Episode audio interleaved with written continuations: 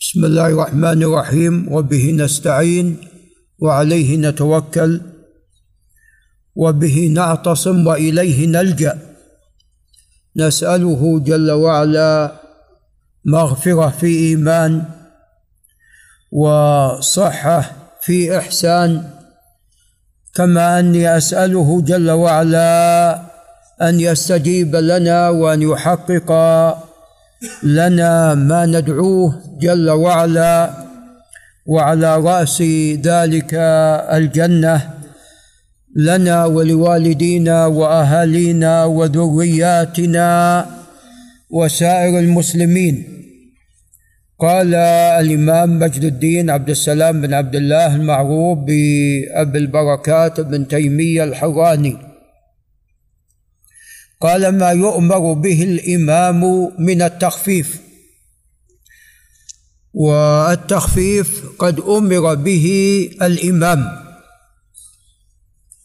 والمقصود بالتخفيف هو التخفيف النسبي والميزان في ذلك هو رسول الله صلى الله عليه وسلم. وتعلمون أنه عليه الصلاة والسلام مرة من المرات قرأ في المغرب بسورة الأعراف وقرأ في المغرب بالطور. نعم وقرأ بالمغرب بالمرسلات. وهذه لو قرأها الآن شخص لأنكر عليه. نعم. وأيضا عليه الصلاة والسلام كان يقرأ في الفجر ما بين الستين إلى مئة آية. ما بين الستين إلى مئة آية. نعم. فالمقصود بالتخفيف هو ما جاء عن رسول الله صلى الله عليه وسلم وأن هذا نسبي والميزان كما تقدم هو عليه الصلاة والسلام. لأن بعض الناس يأتي لحديث معاذ أفتان أنت يا معاذ؟ ويدع صورة ما وقع من معاذ. معاذ رضي الله عنه كان يصلي العشاء مع الرسول عليه الصلاة والسلام مأموم. لعل الابن يزيد ينتبه ثم يذهب ويصلي بقومه إماما. وجاء في رواية أن مرة الرسول عليه الصلاة والسلام أخر صلاة العشاء فأكيد معاذ راح ماذا؟ يتأخر. فجاء وافتتح بسورة البقرة صلاة العشاء. وهم أهل زرع. ويعرف الشيخ أحمد الحمود أن المزارع من الصباح إلى المساء وهو يعمل في حقله. نعم. فإذا يعني جاء العشاء هو نعم يعني تكون قوته قد ذهبت. فافتتح بسورة البقرة. نعم. فأنكر عليه عليه الصلاة والسلام. وقال فتان أنت يا معاذ. نعم. قال عن أبي هريرة رضي الله عنه أن النبي صلى الله عليه وسلم قال إذا صلى أحدكم للناس فليخفف فإن فيهم الضعيف والسقيم والكبير. الضعيف لابد من مراعاته والسقيم المريض يراعى. وكبير السن يراعى أيضا. نعم. وكما تقدم هذا التخفيف هو نسبي. والميزان هو الرسول عليه الصلاة والسلام صلاته. والآن كثير من الأئمة مو يخفف قد ما يطمئن أو من خلف ما يطمئن. نعم. حتى في المساجد الكبيرة. يصلون الظهر سبع دقائق. والله أحيانا واحد بس يريد أن يقرأ الفاتحة. بس يريد أن يقرأ الفاتحة. هل عجل على ماذا؟ عدو حضر بلاء نزل لا هذا ولا ذاك. وكما حدثني أحد الأخوة أحد الإخوة أو حدثنا. هو إمام يقول يقول لشخص إذا جيت صلاة الصبح لا تطول بنا. يقول ويجلس يتحدث مع صاحبه بعد الصلاة عند الباب أو في الشارع حتى تطلع الشمس. نعم. نعم.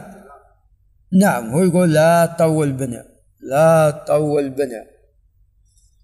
ويتحدث يقول عند الباب أو باب المسجد أو بالشارع بالسكة نعم حتى تطلع الشمس. وأكيد هو واقف. نعم مو جالس يتقهوى. نعم هو واقف. نعم فترى هذا نعم من الشيطان. هذا من الشيطان. فالإنسان يصبر ويصابر والأئمة لابد يطمئنون. ويعطون لمن خلفهم مجال. يسبح الإنسان يقرأ الفاتحة. ما حنا قارين ألف لام ميم السجدة كما جاء في في الصحيح في الحديث الصحيح. كان عليه الصلاة والسلام في صلاة الظهر في الركعة الأولى والثانية يقرأ بقدر ألف لام ميم السجدة. حنا بس نبغي نقرأ الفاتحة. نعم. وإذا كنا يعني في مكان فاضل كالمسجد الحرام ود الإنسان يدعو بكلمة كلمتين في السجود. لكن غالبا الأئمة لا يتركونك لا يدعونك. ومرة صلى بنا واحد وأنا طبعا خلاص نويت أنا انفصلت عنه. فسمع الله لمن حمد ربنا ولك الحمد. الله أكبر. هو كان يحاكي الشيخ محمد سبيل الله يرحمه ويعفو عنه في القراءة. سمع الله لمن حمد اللهم رب ربنا ولك الله أكبر. مرة كلمت إمام قال يكفي تسبيحة واحدة. ما بصحيح الكلام. أنت إذا سبحت واحدة خلفك كم بيسبح؟ ما, راح يسبح. نعم. ولذا يقول عبد الله بن المبارك كما في جامع الترمذي سبح خمس حتى من خلفك يسبح ثلاث. نعم. فلا بد يعني الأئمة أيضا يعلمون الناس يعني الطمأنينة وعدم الاستعجال يعني إن صلى صلاة الظهر أو العصر عشرة دقائق بعشر دقائق. طيب حسن. إن صلى ب 11 12 دقيقة. حسن. أما أنه بست دقائق ولا سبع؟ نعم.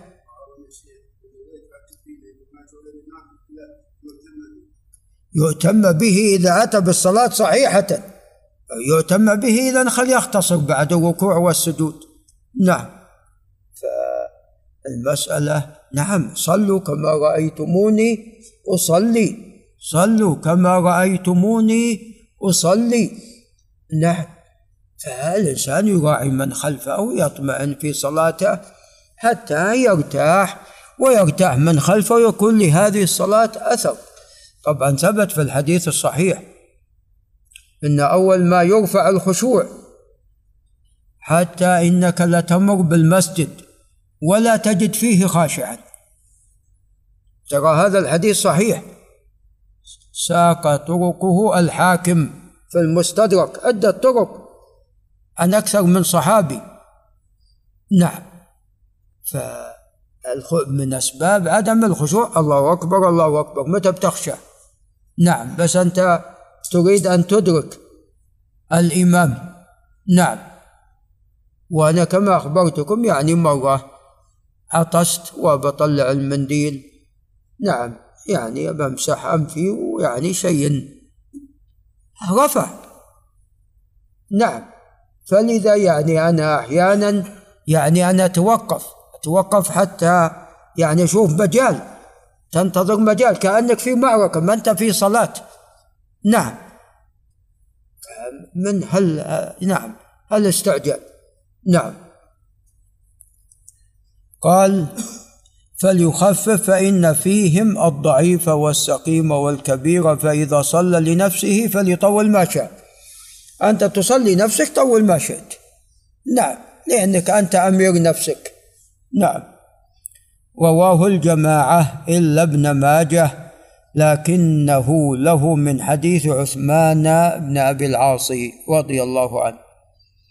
قال وعن أنس رضي الله عنه قال طبعا حديث عثمان قد أخرجه أيضا مسلم. وعن أنس رضي الله عنه قال كان النبي صلى الله عليه وسلم يوجز الصلاة ويكملها. انظروا إلى ذلك. يوجز لكن يكمل الصلاة يتم الصلاة. قال وفي رواية ما صليت خلف إمام قط أخف صلاة ولا أتم صلاة من النبي صلى الله عليه وسلم متفق عليهما. عندما تولى أبو بكر وبعد عمر مدوا في الصلاة. مدوا في الصلاة. كان عمر يقرأ رضي الله عنه يقرا بسوره يوسف. فقال هذا التابع التابعي أو التابعي من صغار التابعين قال لمن حدثه قال إذا يقوم من حين ينشق الفجر. يقرأ سورة يوسف وهود. قال إذا هو يبدأ في صلاة الفجر يخليها نص ساعة ولا بعد خمس دقائق. قال إذا كان يقوم من حين يعني ينشق الفجر يصلي لئلا تطلع الشمس وهو ماذا؟ وهو يصلي. وجاء في في حديث عروة بن الزبير أن أبا بكر صلى بالبقرة في صلاة الصبح. فقال عمر يا خليفة رسول الله أو يا أبا بكر كادت الشمس أن تطلع. يا خليفة رسول الله عليه الصلاة والسلام أو يا كادت قال إن طلعت لن تجدنا غافلين. إحنا في صلاة لأن ابتدأ بالصلاة قبل ابتدأ بالصلاة في وقتها. فالمقصود أن الذين أتوا من بعد رسول الله صلى الله عليه وسلم كما يشير أنس مدوا في الصلاة. نعم مدوا في الصلاة. نعم البقرة يعني كما تعلمون يعني نحو جزئين ونصف. المسألة ليست بكر قرأ بالبقرة عمر يقرأ بهود ويوسف. نعم. قال وعن أنس رضي الله عنهما. طبعا السابقان قال متفق عليهما حديث أنس. وعن أنس رضي الله عنه عنه عن النبي صلى الله عليه وسلم قال إني لا أدخل في الصلاة. وأنا أريد إطالتها فأسمع بكاء الصبي. والنساء ياتينا ومع معهن أحيانا الصبيان فأتجوز في صلاتي. مما أعلم من شدة وجد أمه من بكائه. إذا صاح عليها وهي تصلي أبتنشر المسكينة نعم. وهذه امرأة أظن يعني حدثتني الوالدة عنها الله يرحمها وأموات المسلمين جت في نعم كنا في صلاة القيام في رمضان فمسكينة معها ولدها تصلي وهو يصيح يصيح حاولت حاولت حاولت لفت الولد الظاهر ومشت. أي ما نعم ماذا تفعل؟ نعم. نعم القصة أنا ما أضبطها يعني صار له نحو أربعين سنة مدي كم. نعم هذا أحسن ما صنعت. ولذا الآن في بعض المساجد قد يكون الشيخ طلال يعرف هذا مكان للنساء اللاتي ليس ما عندهن أولاد واللي معها ولد في مكان آخر مخصص. نعم وأنا سمعت قبل عدة أيام في الإذاعة قد يكون الشيخ صالح الكردي سمع أن افتتحوا في المسجد النبوي. حاضنة للأطفال. في المسجد النبوي. نعم في المسجد النبوي. ولعلهم يبادرون في المسجد الحرام إلى ذلك. نعم. قال فتجوزوا في صلاة مما أعلم من شدة وجد أمه من بكائه. أيضا الإمام لابد أن يكون فقيه. نعم متى يطيل متى يخفف. نعم. أنت في الصيف وطفت الكهرباء تطيل ولا تخفف؟ تخفف. فالمسألة يعني آه، حر. أي نعم. أنت في السوق؟ أيضا راعى أهل السوق. نعم. هذا يحدثني أحد التوك القعود الله يرحمه وأموات المسلمين. يقول نعم يعني والله نسأل الله أن يعني يحفظ لنا صلاتنا. كبر وهو يناظر الشاشة شاشة الأسهم. قد يكون الشيخ أحمد الحمود ما يدري. يناظر شاشة الأسهم. أي يقول كبر وهو ينهنه نعم فبال مع نعم مع شاشة الأسهم لأنه مشهور لأنه هو عنده أسهم. طبعا مو أبو عبد العزيز ما عنده أسهم.